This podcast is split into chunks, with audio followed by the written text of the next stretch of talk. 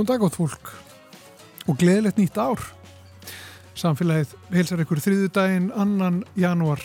Guðmundur Pálsson og Arnildur Haldunardóttir eru umsjónamenn.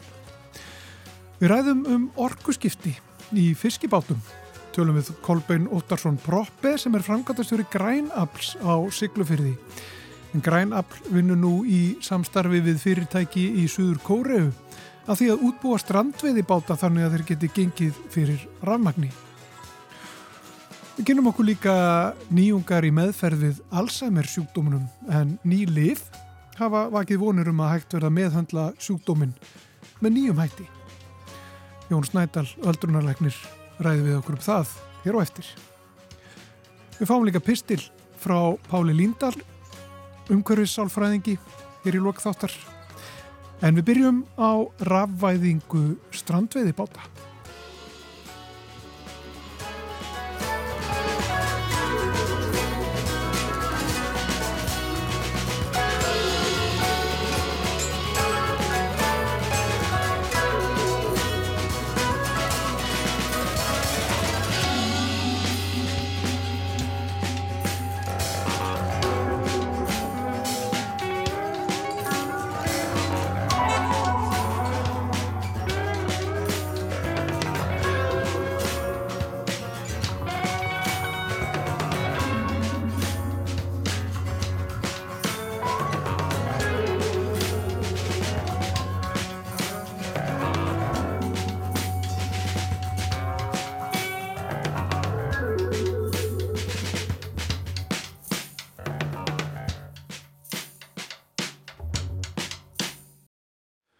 ætlum að tala þess næstu mínuturnar um uh, orkuskipti í fiskiskipum.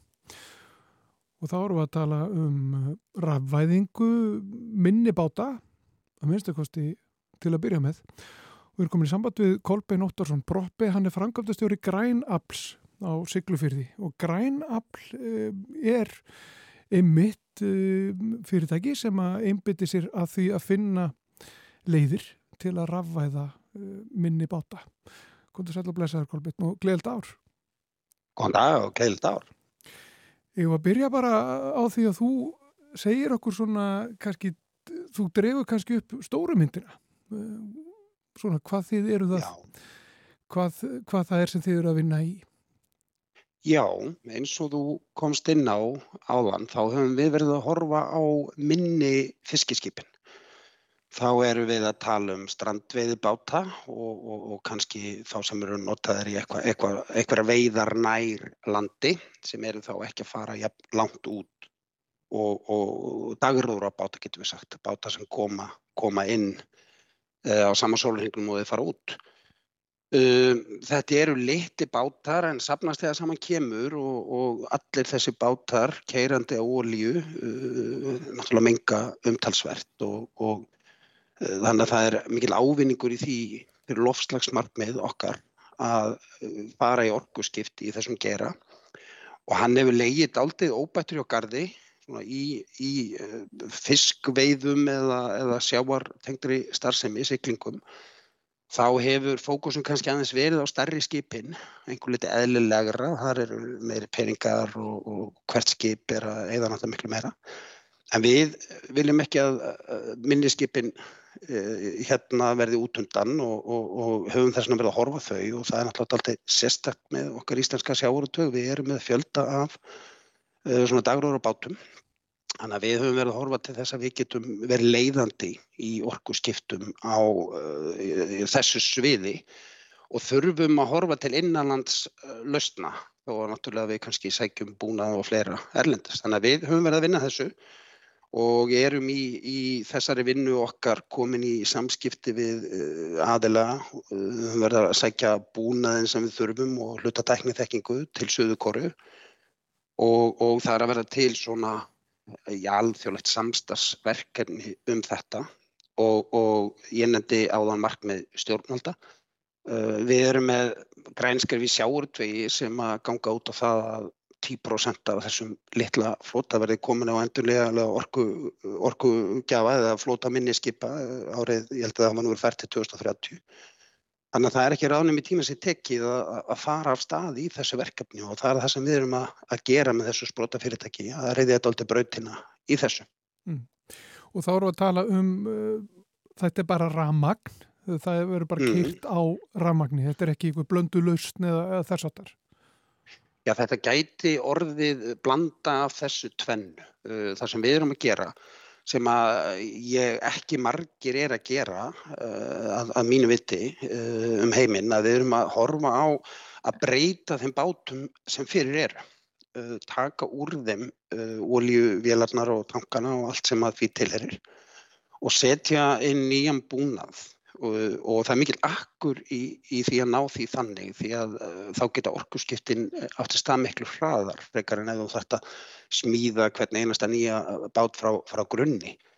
Þannig að uh, hann vil fara aðeins eftir hverjum bátu fyrir sig og, og, og vegna þessa þá er þetta kannski ekki einn alliða lust sem að fer á allan flotan því bátarnir eru misafnir að stærða gerð. Þannig að sumum uh, mun henda að vera í einhvers konar blendingsorku, uh, ramags og, og, og já, hvort að við þyrtum að vera ólíu til að byrja með eða bara beint í, í, í aðra uh, umhverfisvæna orkugjafa. En markmiðið er og, og sumi báta muni henda bara vel í það að fara bara beint í, í ramaðing og verða bara, keira bara 100% á ramagni. Já, og það, hversu raunat er það þá núna sko? Eh, hversu nálagt uh, eru þið uh, því markmiði að, að geta að það séu bátar bara reynlega sem getur bara keirt á ramagni?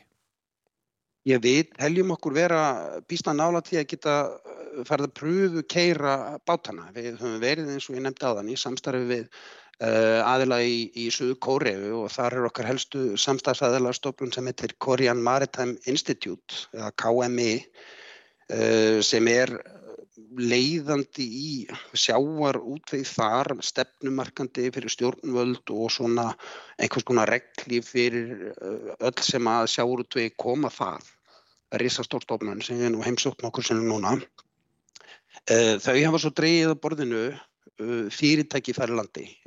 Stór fyrirtæki, hann var Aerospace, er eitt sem er að hanna batterið að rafgema fyrir kafbata og flugvelar og, og, og, og flera og skip uh, og uh, fyrirtæki sem heitir TMP Network sem að sér hafið sér í, í, í rafvæðingu og löstnum í, í rafvæðingu þegar komið að uh, smíði blendingsbáta þann úti sem er þá stærri en því sem við erum að horfa á. Uh, Fulltrúa frá þeim komu hinga til Siglufjörðar í haust kíkt á bátana, fórum niður í vélarna, þetta var gaman að vera með gæsti frá kóri og skrýða hennum uh, eh, strandveið báta, bæði inn í, inn í smiðjuði hérna og svo bundna við, við Bryggju, þetta, þetta var mikil aðtöfn, uh, horfðu aðeins á og mældu og telja sér núna að vera með þá löst sem að uh, gæti hendað í að prófa fyrstu bátana á 100% rammagni. Ég núna á næstunni og ég hef lagt að það á stöðu, nú, nú, já það er náttúrulega að byrja strandveið tímabili núna í, í vor og ekki eru við að, að, að uh, taka bátana frá veiðum til að fara í breytingar. Þannig að ég lagt að það áherslu að við fáum búnað og uh, þessa teknitekkingu sem við höfum að segja, svona tímalinin er að miða við næsta höst, þannig að við getum þá nýtt næsta vetur Uh, og draumurinn er að sigla þá til strandveiða á 100% ramagsbát uh, núna þá haustið 25, nei vorið fyrir ekki, vorið 25 á strandveið tímbilinu og við vonum að þetta takkist, kannski þurfum við eins og ég þann einhverja blendingsorku en, en, en þetta, þetta er markmiðið hjá okkur núna. Já. Hver er stærsta áskorunin sem þið standið fram með fyrir? Já, það eru bísna margar. Það er eh, með, þegar þú ert að horfa á batteri, þá, þá þartu að horfa á, á dregni uh, og þyngd. Og það náttúrulega hefur eh, áhrif á stöðuleika báta þegar þú ert að, að breyta innvól sem þú ert komið með batteri.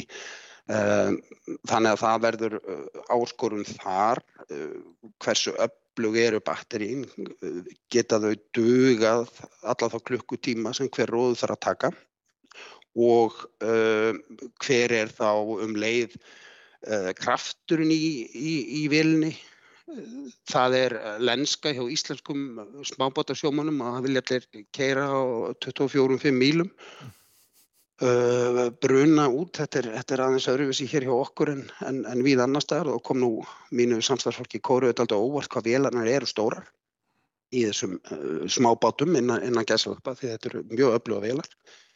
Það verður uh, áskorun líka að, að, að ná ásættanlegum uh, afli og, og þá hraða á, á, á bátana. Um, svo er líka mikil áskorun fólkin bara í öllu kerfinu okkar sem að miðar ekkit við annað en að bátarnir keiri á ólíu. Við höfum verið í samstarfi og, og, og fengið inn á ráðstöfnu hjá okkur fulltrúa til dæmis á samgöngustofu. Við þurfum auðvitað að vera í miklum samskiptum við þau, það er að segja siglingadeldina þar. Af því að öryggismálur eru náttúrulega eh, líkilatriði í þessu líka þegar það er búið að vera, vera að breyta svona bátum.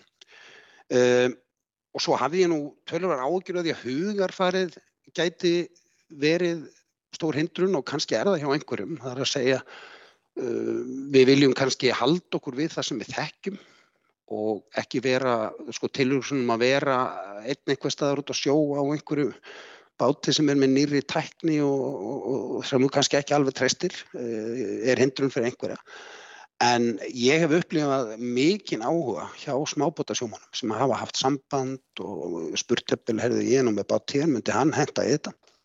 Þannig að ég er samfærður um það að þegar okkur tekst að sína fram á að þetta virki og kom með eitt og báta sem að bara taka eitt standviði tímabil á uh, endurlýjar orku, rafmagni 100%, uh, þá munir þetta breyðast fljótt út.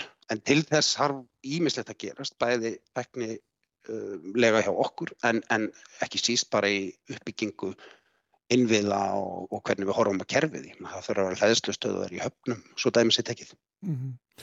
og, og getur við eitthvað velt fyrir okkur sko tækninni þá sko, hversu, mm -hmm. hversu mikil svona er tæknilega áskorunin einmitt með hlæðslu í höfnum og, og þess að þú nefndir nú batteríin á þann, mm -hmm. það er nú eitt stort mál og svo eru náttúrulega mótorarnir sjálfur. Já, já sko, tæknin er til staðar það er einhver blöðum um það að fletta og við, við horfum á það að, að já, það eru stóru öllu skip siglandi á ramagni innfjörðaferjur í Nóri við horfum nú á Herjólfjör sem, sem kerir nú oft bara á ramagni uh, og hlæðslu stöðvar í höfnum eru ekki tæknilegt vandamál. Uh, en það sem að verður, áskorunum verður að koma þessu fyrir í minni báta því að því starri báta sem með því öflur í stæður á batterín getur, getur uh, sett í þá. Uh, það er ástæðan fyrir að við sótum ykkur þekkingu og samstarfsaðila til kóruðu því að þar eru þau með þessa tækni og eru bara einfallega núna, já ég vonaði þess að ég mætti vinnuna, þau eru náttúrulega nýju tíma undan okkur þar bara sitja við og með tekningar á, á bátunum og eru bara tekna þetta í þetta. Þannig að tæknin er til staðar og ef við að hugsa aðeins um sko þessa ofbúslegu þróun sem hefur orðið á um, ramagsknúnum aukotækjum. Tökum bara bíluna sem dæmi, þú horfir á bíla í dag, miðar ramagsbíla í dag, miðar þá við, og hugsaður fimm ára áttur í tíman hvernig voru þeir þá. Þannig að, að, að það er alveg ofbúslega rauðþróun í þessum gera og þess vegna erum við eh, svo heppin að vera komin og búin að skrifa núna undir samstarf við, við þessa aðalagi kóru sem eru, eru í þessum geira. Um, það þarf eins og er ekki bara tæknina heldur átak og vilja til þess að fara í þessi orkusskipti og þar kemur koma sprótafyrirtæki eins og grænafl eh, sterkinn og það þarf náttúrulega að tryggja það að þau eh, við og fleiri getum, getum unnið að þessu. En svo þurfa líka að koma inn í þetta stjórnvöld bæði nær og fjær á, í, í, í sveitastjórnum yfirvöld hafna uh, ríkistjórnin því að það þarf að fara í sömu innviða uppbyggingu í höfnunum og gert hefur verið uh, á þjóðvegum landsins.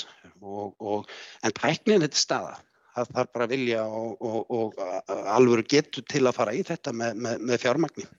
Já, sko nú er það náttúrulega ekki þannig að þið bara segið hér eru bátar, við skulum setja hérna búnaði þá sem að gera þeim kleift að keira á ramagni.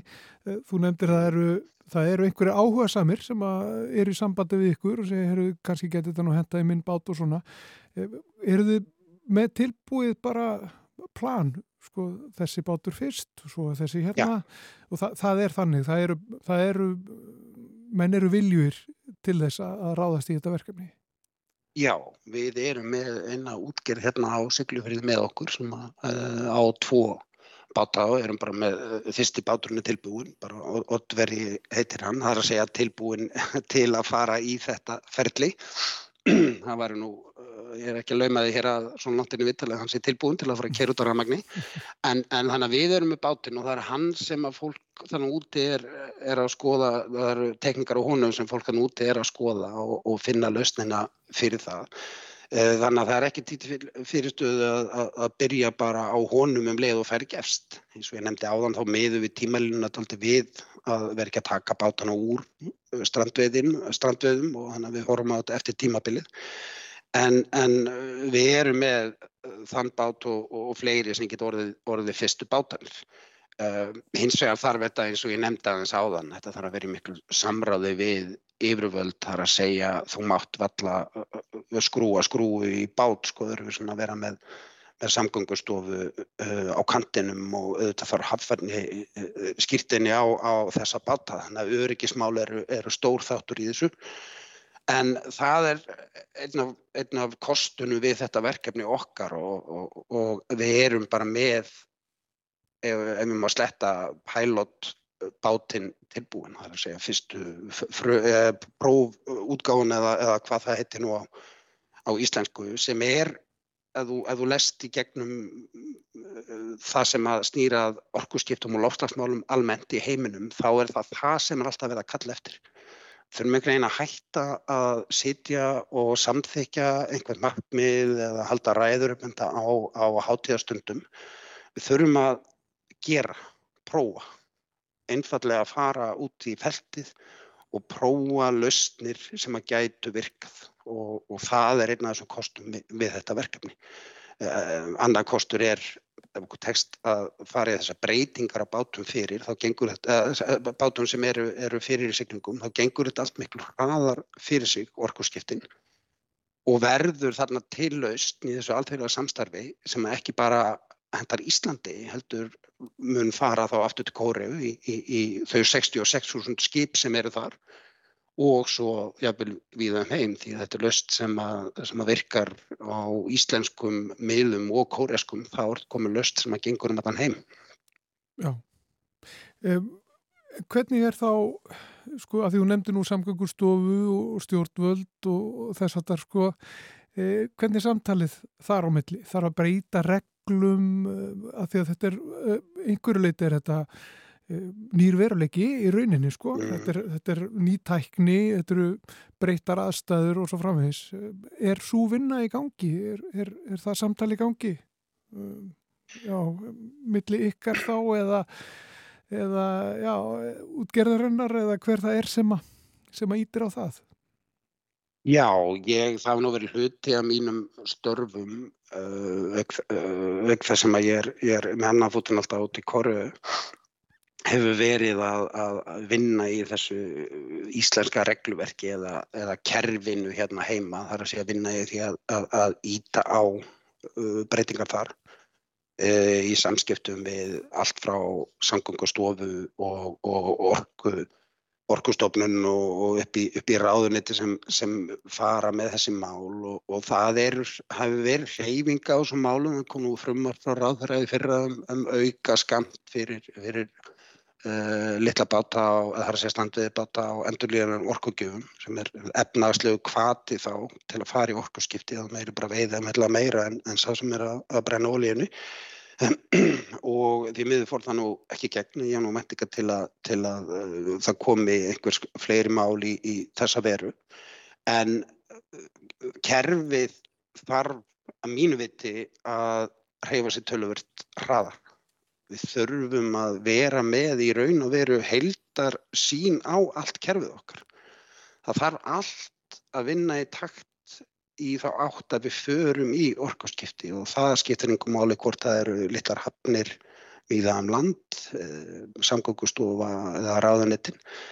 Um, það á allt kerfið okkur að vinna saman að þessu og við þurfum að vera hugsadaldið fram í tíman. Við verðum að, að breyðast við á undan, það er að segja að vinna á undan en ekki breyðast við eftir á. Þannig að það þarf að spýta í lóna mínu viti hvað var það að hugsa regluverkið upp á nýtt þegar það kemur að skipum á uh, endurnýjulegunum orkugjöfum og það lítur ekki bara að Eh, umhverfiðra í höfnum eða, eða haffætni á, á þau innan, innan stopnana heldur líka bara jafnvel að, að fiskviðistjórnuna kerfinu sjálfu. Eh, það er kannski að horfa til þess að það er bæði með þeim tíma, að, það er að segja útlutunum með skamtinum og svo tíma sem fólki er, er gefinn til, til að sækja skamtin. Gengur er hannað fyrir uh, strandviðbáta sem kera á olja. Já. Þannig að það er mörg hodn að líta og, ég er nú rétt að tæpa á, á, þeim verkefnum sem við höfum verið að vinna að og munum verið að vinna að á næstunni, bæði hvað var þar áskorunir þegar kemur að breytingur sjálfum en svo eins á, á kerfinu, kerfinu sem við búum við. Og til að flækita ennfrekar þá erum við náttúrulega að horfa á það að lausnin gangi líki í kóruðu þannig að ég er hún ágætlega verseraðar í, í, í kóreskum siglingareglum, nokkuð sem ég átti ekki endilega vona á fyrir einhverjum árum að ég myndi reyna að sérhefa mig í.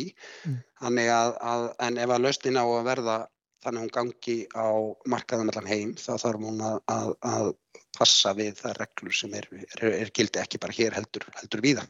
Já. Við skulum fara að ljúka þessu Kolbjörn Óttarsson Proppi, frangatastjóri Græn Apps. Markmið er sem sagt vorið 2025. Þá eru þið að, að horfa til þess að geta, já það fyrstu bátanir geti, eða fyrsti báturinn kannski, geti gert á, á ramagni engungu frá Siglufjörði? Já, það, það er tímalínan sem við erum að setja upp. Ég fór þá til Kóriða núna í desember og við skrifum undir samstagsarmingu við hátilega aðtöfn og, og, og það er tímalínan sem við erum að vinna eftir. Nýmitt. Takk fyrir spjallið, Kolben Óttarsson Proppi. Við sendum bestu hverju til Siglufjörðar. Takk fyrir það og ég verða að fá að nýta tækifærið hérna á þessum degi og úrska móðuminni til hafmyggjum amalið. Hún har nefnilega amalið dag. Já, til hafmyggjum með móðuðina, Kolben. Takk fyrir það. Við komum að fráfæri hér með.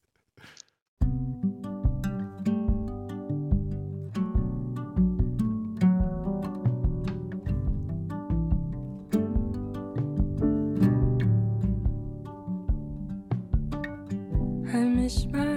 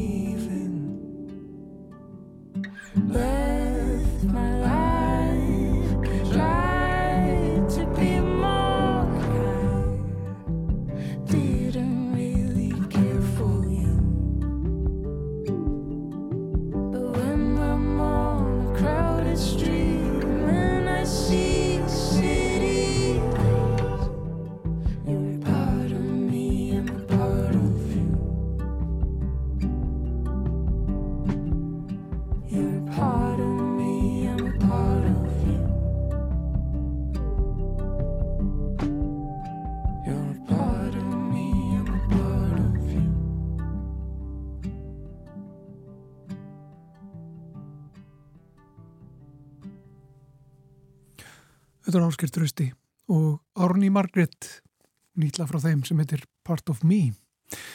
En áfram með samfélagið. Já, hingaði í samfélagið komin Jón Snædal, öldrunalæknir. Þú hefur mikið verið að skoða Alzheimer og einbettir að Alzheimer sjúkdómnum síðastliðin ára, auk, auk fleiri sjúkdóma vantala. Núna hefur, hefur á þessu ári dreyið svolítið til tíðinda þegar kemur að livjúrum sem er hægt að beita gegn þessum sjúkdómi ekki satt.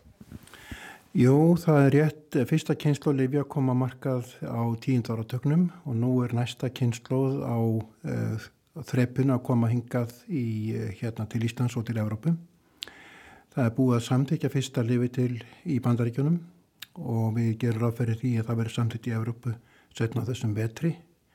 Þannig að þetta eru vissulega spennandi tímar og uh, þessi lif þau eru svona eðlislega öðruvísi ólík þessum fyrstu kynsluðalifjum, ekki satt? Jú, fyrstu kynsluðalifin eh, hafa áhrif á bóðefni í heilanum og eru þannig eins og við kallum með einnkjana meðferð vegna þess að þau ráðast ekki að rótvandans en menn er að vonast til þess að þessi nýju lif muni eh, svona hafa áhrif á það grundvallar ferli sem veldur sjúkdónum en þá eftir að koma í ljós endalega hvernig það, hvernig það gengur svo upp. Þessi sjúkdómur, sko, það verðist vera mjög erfitt að, að tjónka við hann. Þessi lif sem að hafa verið á markaða eru nótuð núna, já, þau kannski gera ekkert sérstaklega mikið gagn, eða hvað? Nei, þau verða að senka framvöndinu tæft ár að meðaltali og innan þessa meðaltals eru þetta fólki sem hefur engin, eh, ekki dagna þessu og svo þau sem hafa meira gagn, þannig að þessuna nótum við þau. En ég held að það sé rétt að benda á að það er margt annað en líf sem hægt er að nota og við hefum gert það auðvitað og mikil þróun orða á því sviði en þau náttúrulega þær aðferði döga ekki gagvart grunn eh, sjúkdómsferlinu. Þessi nýju lif, svona þetta búið að vera kannski 20 ár af tíðinda leysi, lítið verið að gerast og svo voru einhverjar væntingar um að það væri að koma lif og, og þær brúðust síðan. Það er eiginlega fyrst núna bara allra síðustu ár sem að það dregur eitthvað almennilega til tíðinda og þessi, þessi líf sem að eiga svona taka meira á rót vandans koma fram. Já sko tilgáttan að baki þessu kom fram að miðjum nýjenda áratöknu. Það er að verða 40 ár sem er náttúrulega miklu miklu lengri tími heldur en menn yfirleitt e, nýta í svona þróun. Þannig að það er alveg rétt að það kom mikið bakslag og það var einhver vegna aukaverkana sem er núna vita að eru viðræðanlegar um, en að mörgum ástæðum hefur þetta, sagt, þetta frestast uh, þanga til bara nýlega að hægt vera að sína fram á þau hefði einhver áhrif.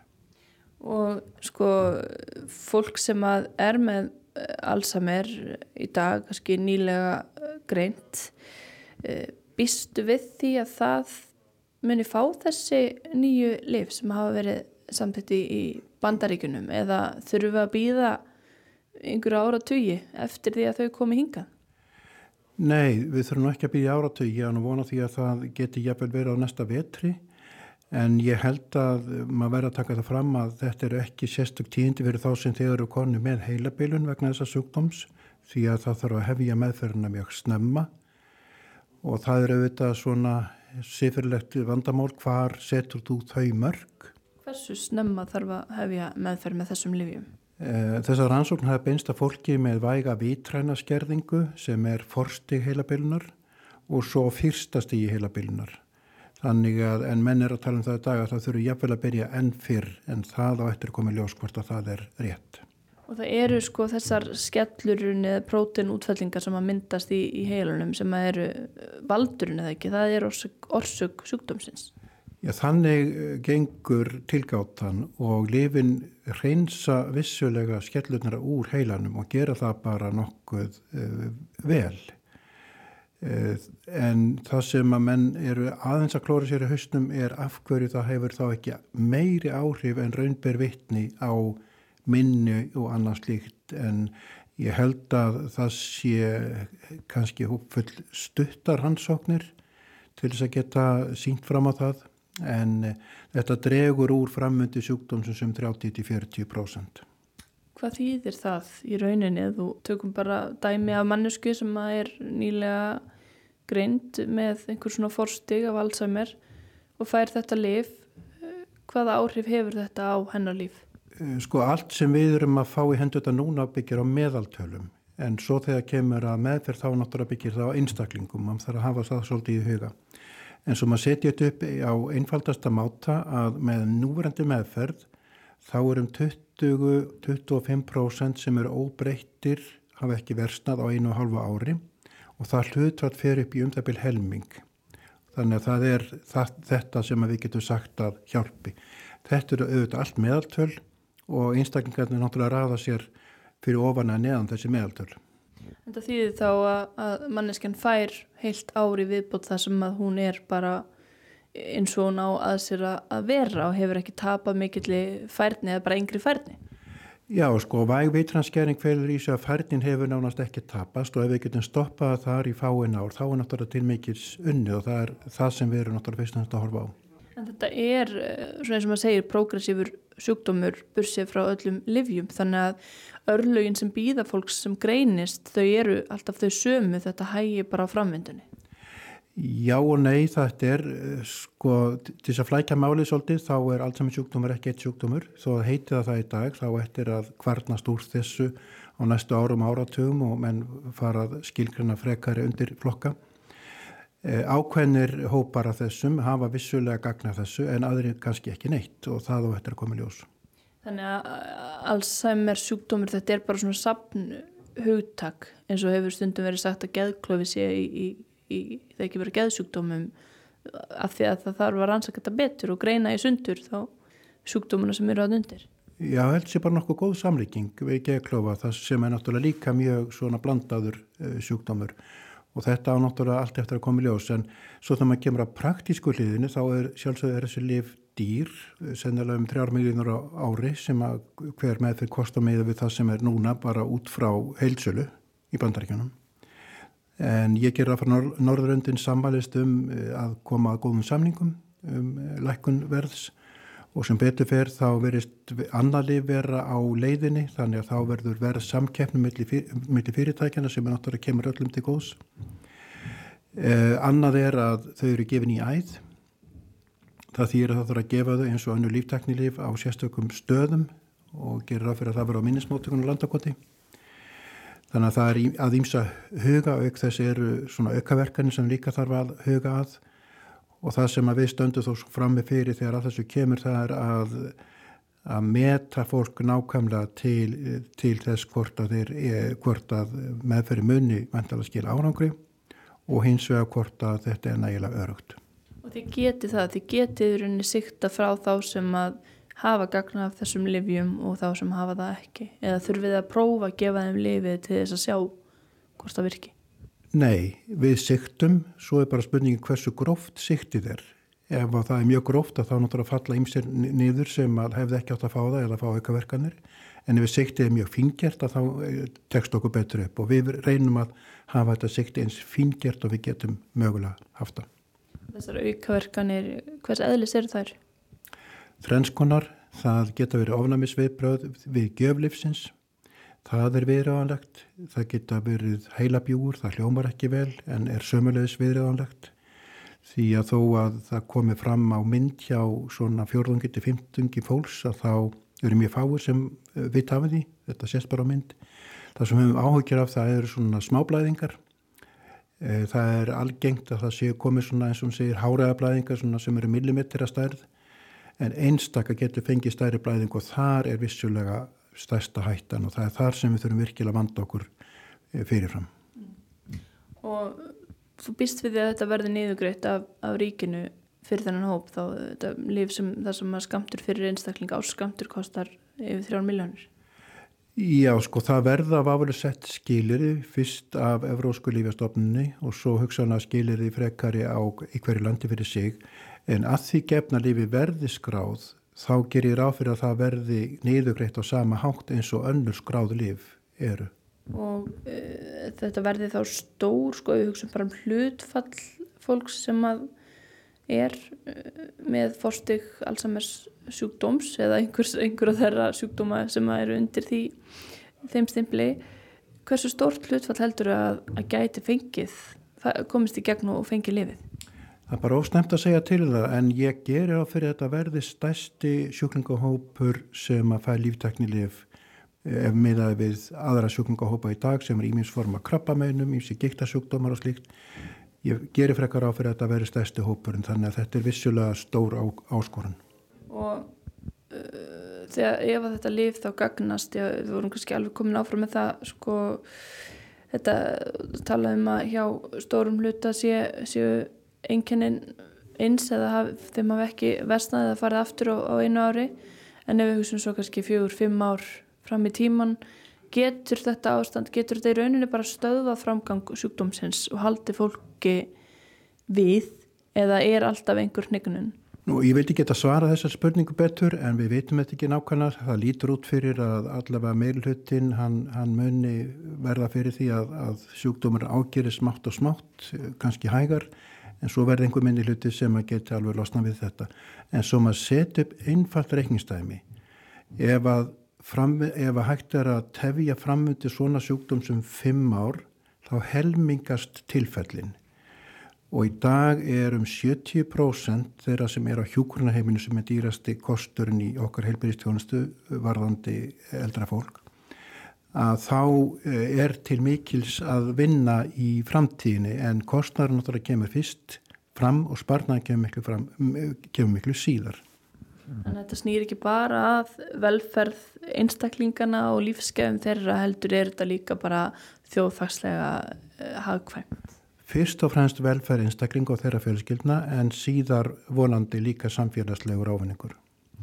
Þetta er sko, það talaðum ákveðna byltingu en á sama tíma þá hefðu margir kannski vonast eftir meiri byltingu. Að þetta væri ekki bara að meðaltali að hæja á, á frammyndunum um þriðjung heldur myndi þetta bara nánast hérna, lækna þennan sjúkdóm. Er eitthvað svoleiðis í farvatninu, býstu við því að sjá það á næstunni?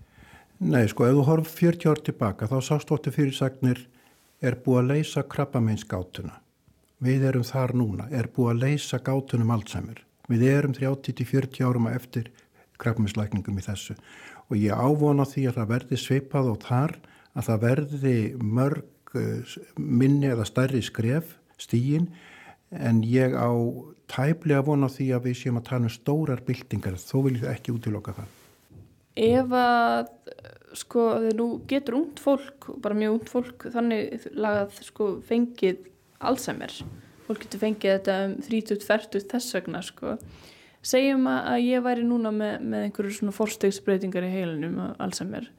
Væri kemur til greinærunni að ég talaði einhvern tíma við öldrunulegni sem að mér minnir að hafi komið með þessa hugmynd sko að skanna stóra hópa fólks til að finna mjög snemma þau sem að gætu átt eftir að fá Alzheimer sjúkdóm Já, sko, það er auðvitað hægt að skima fólk fyrir öllu mögulegu. Maður þarf alltaf að hafa í huga að það eru alltaf baklegar á skimun og þú ert alltaf þá að skoða er ávinningur meiri heldur en það sem þetta kostar á ymsanhátt, bæði fyrir einstaklingu samfélag. Við erum ekki komin að skimunar eh, hérna möguleikum eh, í dag vegna þess að skimun verður að leiða til þess að þú getur gert eitthvað verulega gott. Þú skimar fyrir, eh, fyrir hérna krabbamenni í leghálsi vegna þess að þú getur þá læknað þá sem að finnast. Þar erum við ekki í þessu. Freka glataði með þetta að vera hérna innan við verðugt og fá þá upplýsingar að þú sett nú líklega að þróa með þér allsamur sjúkdóm en það sé ekkert mikið hægt að gera í því. Það, það er glatað, já. E, Sá yngstu sem hefum greint á Íslandu var 45 ára. Þannig að þetta er ekki undir því og þetta er mjög sjálfgefur sjúkdómur fólks á, á, á, á 45 til framundi 60, þá fer þetta að fara upp á við. Við veitum í dag eins og að ferlið í heilanum hefur átt sér stað í langan tíma áður en enginni koma fram uh, minnst áratug.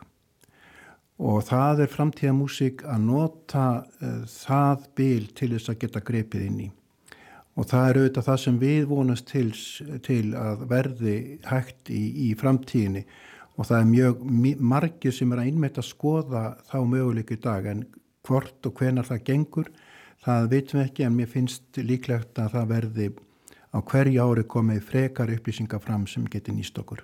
Þetta verðist vera svolítið svona óljós sjúkdómur, þú talar um að þetta sé svona yfir flokkur og svo séu aðri sjúkdómar sem kannski á eftir að finna nöfna og skilgjörna nánar þarna undir. Þegar kemur að greiningunni, uh, eru þið að renna svolítið blind í sjóun? Er, er alltaf mjög mikil vissu hægt að segja þessi manneskja er með uh, Alzheimer?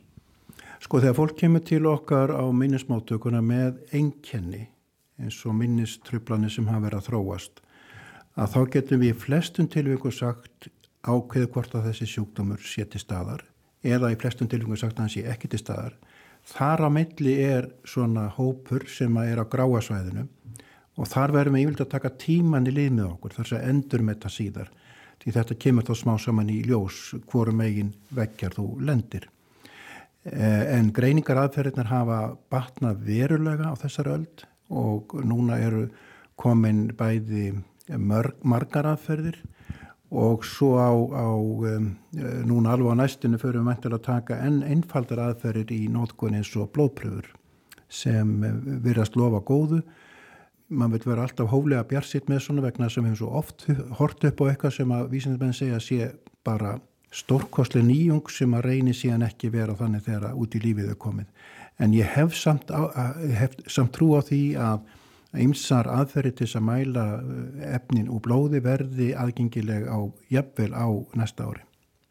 Já, en það er ímislegt að gerast í, í þessu og svona, sko, hefur ágjörðið að þessi sjúkdómur er eftir að verða algengur auðvitað þjóðina eldast en það er líka bara það er svo mikið álag í samtímanum, það er hérna, þriðjavaktinn og fólk er með kulnun og áfallastreitu og er þetta eitthvað sem að geti leitt til þess að fleiri fái Alzheimer eða er þetta bara erðaþátturinn sem er stærstur?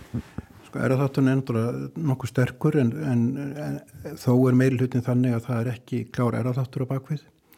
Þegar ég kom inn á vinnumarkaðin þá var orðið kulnun ekki til. Þá eftir að koma ljós hvort að það hafi einhver fórsporgildi, við vitum það bara ekkert í dag. En þegar við horfum á stórar faralsværa rannsóknir þá er algengi, það er að segja fjöldi þeirra per þúsund eða hundrað þúsund sem er með með sjúkdóminn, hefur ekki aukist. Jafnvel aðeins minkað vegna þess að það eru margskonar forvarnaraðgerir og nú er ég reyndar að tala meira um heilabilin almennt frekar en Alzheimer sjúkdómi sérstaklega sem er algengast ástæðan. Eh, þannig að algengir hefur ekki aukist en hins vegar er fjöldin í þessum árgangum hann náttúrulega eikst svo mikið og það er það sem er stóra vandamálið. Bara í blálokkin, Jón, ef einhverju að hlusta sem að hefur áhyggjur af einhverjum einkennum, hvert getur fólk leitað? Hann þarf alltaf að byrja hjá sínum heimilslækni, ræða við þann um sínar áhyggjur og læknirinn hann mun gera sínar aðtúanir og svo að taka ákvörðun með viðkomandi hvort á að halda áfram að skoða betur. Takk fyrir að spjalla um þessar eh, rannsóknir og nýju líf við eh, Alzheimer við samfélagið. Verður ykkur að góða.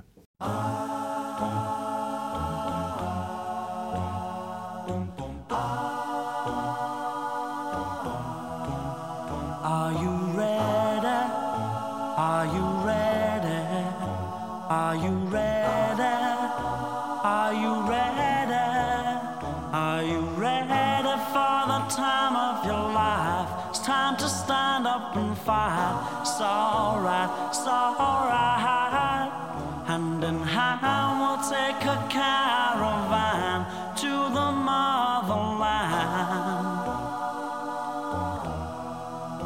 One by one, we're gonna stand up with pride. One that can't be denied. Stand up, stand up.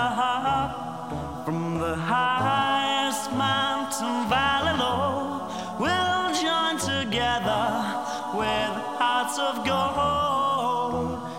the children of the world can see this is a better place for us to be.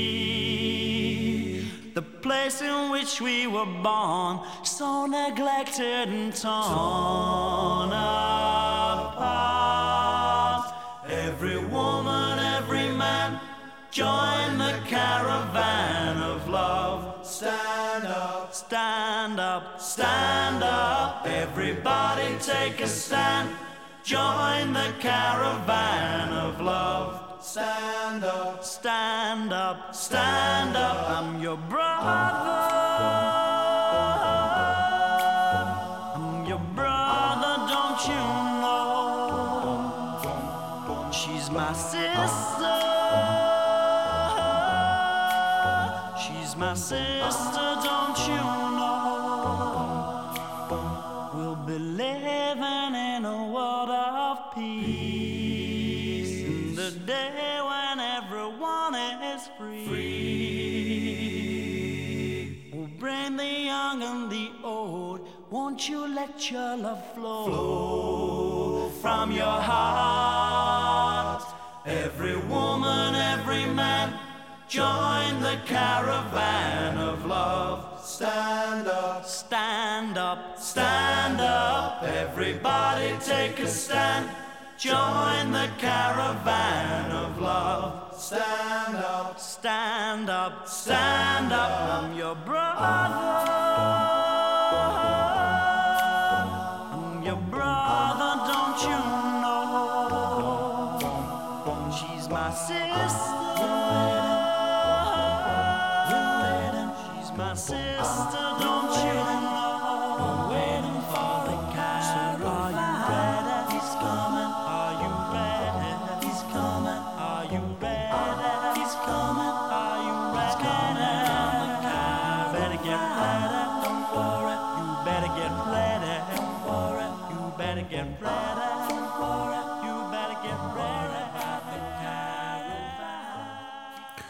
Þetta er The House Martins og lag sem heitir Caravan of Love. En næst er komið að Páli Líndal, umhverfis sálfræðingi. Klukkan var að detti í hálf 11 að kvöldi 18. desember síðastliðin og ég hafði rétt loki við að setja punktin aftan við jólahugvekju mína þeirrar sem flutt var hér í þættinum 19. desember síðastliðin þegar að lauga spúsa mín riðst inn í vinnuherbyggið móð og másandi. Það er byrjað að gjósa. Ha, nú? Já, ég heyrði þetta í útverfinu í bílnum núna á leiðinni heim frá helgu. Það er ekkit annað. Þessar frettir voru óvendar, en samt ekki. Maður vonaði að svo framvinda í yðrum jarðar sem hófst 10. november síðastlinn væri að fjara út, en vissulega voru alltaf líkur á eldgósi, þó þar hefðu farið mingandi dag frá degi. Það var sem sé farið að gjósa í nákrenni Grindavíkur. Fyrstu fréttir sóðu gósið vestan við Hagafell og þar upp eftir, þá sennilega upp í gegnum sundnúka. Þorvaldur Þórðarsson, eldvallafræðingur, sagði að það liti út fyrir að gósi væri á versta stað. Kvikustrókarnir voru taldir alltaf 150 metra háir og að hraunflæðið, alltaf 300 rúmmetrar á sekundu í upphafi gós, væri mjög hratt frá góstað. Gósprungan stækkaði og stækkaði og aðfara nótt 19. desember var hún talin tæplega fjórir kílometrar að lengd. En fljótlega kom þó í ljós að atbúrarásin var ekki einn slæm og leit út fyrir í fyrstu. Eldgósið reyndist í sprungu við Sundnúkskíga sem standa norðaustan við Hagafell og raunið flæti til norðausturs, það er frá Grindavík og mikilvægum innviðum við Svartsengi. Þá dró mjög hratt úr virkni gósins, svo hratt að fyrir hádegi þann 21. desember, það er um 60 klukkustundum frá upphafið þess, taldi vísinda fólk að gósinu væri lokið. En það er enn blikur á lofti og áfram streymir raunin í kvikuhólfundir svartsengi þar sem jörður ís dag frá degi. Hvað framhaldið varðar koma margar sviðsmyndildi greina og mikla líkur á eldgósi á svæðinu þótt erfitt sé að segja fyrir um hvar nákvæmlega muni gjósa og stærð gós. Óvissan er mikil og við mannfólkið upplifum smæð okkar svo stert þegar náttúran setur í brýdnar. Vannmáttur okkar að eiga við náttúruöflin þegar þau setja í annan gýr, hann verður svo augljós og áþreifanlegur. Allt frá því kviku innskot myndaðist undir Grindavík þann 10. november síðastliðin sem kallaði á rýmingu bæjarins hefur líf 3700 íbúa hans kúvenst. Sem eðlilegt er brjótast allskins tilfinningar framhjóðum, svo sem hræðsla, kvíði, reyði og vannmáttur, en einnig aðruleysi, samhugur og samkjönd. Spurningar vakna um framtíð heimilis og vinnustadar, um framtíð samfélagsins, um personulegar eigur og æfistarfið, um tilfinningarlega tengingar og tilfinningarlega rætur við bæin og við svæðið, sögubyggðar, tiltekna byggingar, náttúru, uppáhaldstaði og svona má áfram telja. Sér horti sögunar má segja að svo framvenda sem hófst í heima í löst fyrir klukkan 2 aðfaranótt 23. janúar 1973 hafi í sálfræði og félagsfræðilegu samekki hvað mest líkindi við þá atbúrðarás sem eiga sér stað í og við Grindavík þessi misserinn. En þá opnaðist 1500 metra laung gósprunga alltaf því fyrirvara löst í einni að þessum 3-400 metrum frá austustu húsónum í Vestmannegarköpstað. 5.000 manns þurftu að yfirgefa heimili sín á sveipstundu og koma sér til fastalansis. 400 hús gjör eðilögust í eldgósinu og mörg hundru til viðbótar skemmtust. Þorgir Magnússon sálfræðingur sem rannsangaði áhrif eldgósins í heimægi á líðan 7 ára barna og námsframhendu þeirra og byrti niðurstöðnar í meistaraverkefni sínu árið 1978 segir í morgumblæðinu 5. júli 2018 þegar að 45 ár voru liðin frá góðslokum í heimægi að eigamenn hafi í raun upplifað þrjú áföll í tengslum við gósið. Hið fyrsta var eldgósi sjálft sem leiti til skipunar um að yfirgefa heimili sín og til flótta út í óvisuna. Annað áfallið var veran á fastalandinu að dveljast í nýju umhverfi og í óvissu um nútíð og framtíð og þriði áfallið var heimkoman þar sem allt er breytt og vonin um að lífið eins og það var brestur. Við tók aðlögun að gjör breyttu umhverfi. Breytingar allir mikill í streitu sem aftur var til þess að mikið reyndi og samskipti fólks í samböndum, hjónaböndum og tengslumilli fjölskyldu, vina og ættingja. Hvað snýra líðan barnana og námsframöndu þeirra segið Þorgir stelpunar hafa tekið gósi næri sér og fyrst eftir það hófst hafi komið fram hjá þeim vanlíðan, kvíði og lakari engunir en minni áhrifa hefði gætt hjá strákum. Þegar að fráleið tóku strákarnir hins vegar að upplifa meiri einangrun og dvínandi námsketu með að stelpunar náðu aftur fyrir styrk í námi eftir um þrjú ár. Í umrættu viðtali í morgumblæðinu segir Þorger að svo virðist sem stelpunar hafi unnið skilverkara að málum og þroskast að einhverju leiti upp úr ástandinu á nokkurum árum en strákarnir hafi tekist á við áskoruna með hörkunað vopni í stað þess að takast á við kreppu ástandið. Niðurstöður þessarar líklega einu sálfræðilegu rannsóknar sem gerð var á áhrifum elgósins í heimaegi eru stórmerkilegar og gæti svo sannarlega verið kvati og leiðavísir fyrir rannsóknir og áhrifum þeirra atbúrarásar sem nú er í gangi suðu með sjó. Þann 14. april 2010 hóst sprengigós í toppösku Eyjafjallajökuls sem stóði í 39 daga. Eldgósi byrjaði nokkur rólega en átti eftir að hafa meiri áhrif á umheiminn en nokkurt íslenskra gósa frá skaftaröldum árið 1783. Fyrstu dagana fylgdu jökulhlaup og fór aðalhlaupi niður markarfljót og þurfti að rjúfa þjóðveg 1 við markarfljótsbrú til að hleypa sem mestu vatni fram hjá brúni og tókst þar með að forða því að fljótið illi miklum skendum á rektarlandi og stóru svæði undir eigafjöldum. Magnús Tumi Guðmusson skrifar á fjesbókarsíðu Jarðvísindastofnunar Háskóla Íslands þann 13. april 2020 þegar tíu ár voru frá upphafi gossins að áhrifa þess á byggðir sunnan og austan eigafjallagökuls hafi verið töluverðar og á meðan á umbrótónu stóð hafi íbúar næst fjallinu í þrýgang þurft að yfirgefa heimili sín í flíti vegna flóðahættu. Þá hafi gjóskufallið undir eigafjöllum og í Myrdal valdið búsifjum meðan á gósinu stóð. Fullir það má að þeir sem komnir voru til vits og ára árið 2010 muni glögglega eftir fréttamyndum í sjónvarpi, dagblöðum og netinu sem síndu hvar gósmökkurinn lág yfir svo þykkur að valla skímaði. Það var myrkur um hábjartan dag. Árið 2018 byrti Óluf Sunna Gissuradóttur og félagar hennar við Háskóla Íslands grein í tímaritinu Scandinavian Journal of Public Health sem fjallaðum áhrif elgósins í eigafjallajökli á andlega heilsu fólks 6-9 mánuðum eftir að elgósinu laug.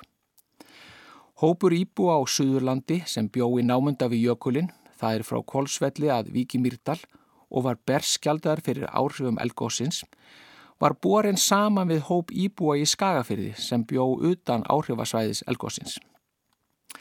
Jafnframt var íbúum á Suðurlandi skipt upp eftir því hversu berskjölduð heimabygð þeirra var gagvart gósinu og byggði skiptingin á gerfinhattamyndum sem síndu gósmökk, upplýsingum um losunastyrk og aðtugum á öskufalli á jörðunniðri.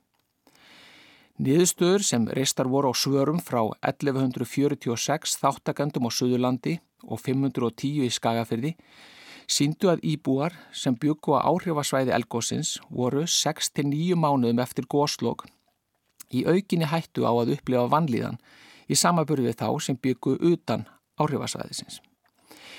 Enn fremur síndu niðurstöðunar að þeir íbúar á Suðurlandi sem byggu nær eldgósunu og voru berskjaldæri gagvarti voru líklari til að þjást af einkennum andlægrar vanlíðanar, áfallastreitur öskunar og streitu en þeir íbúar á Suðurlandi sem byggu fjær eldgósunu og fundu því minna fyrir áhrifum þess.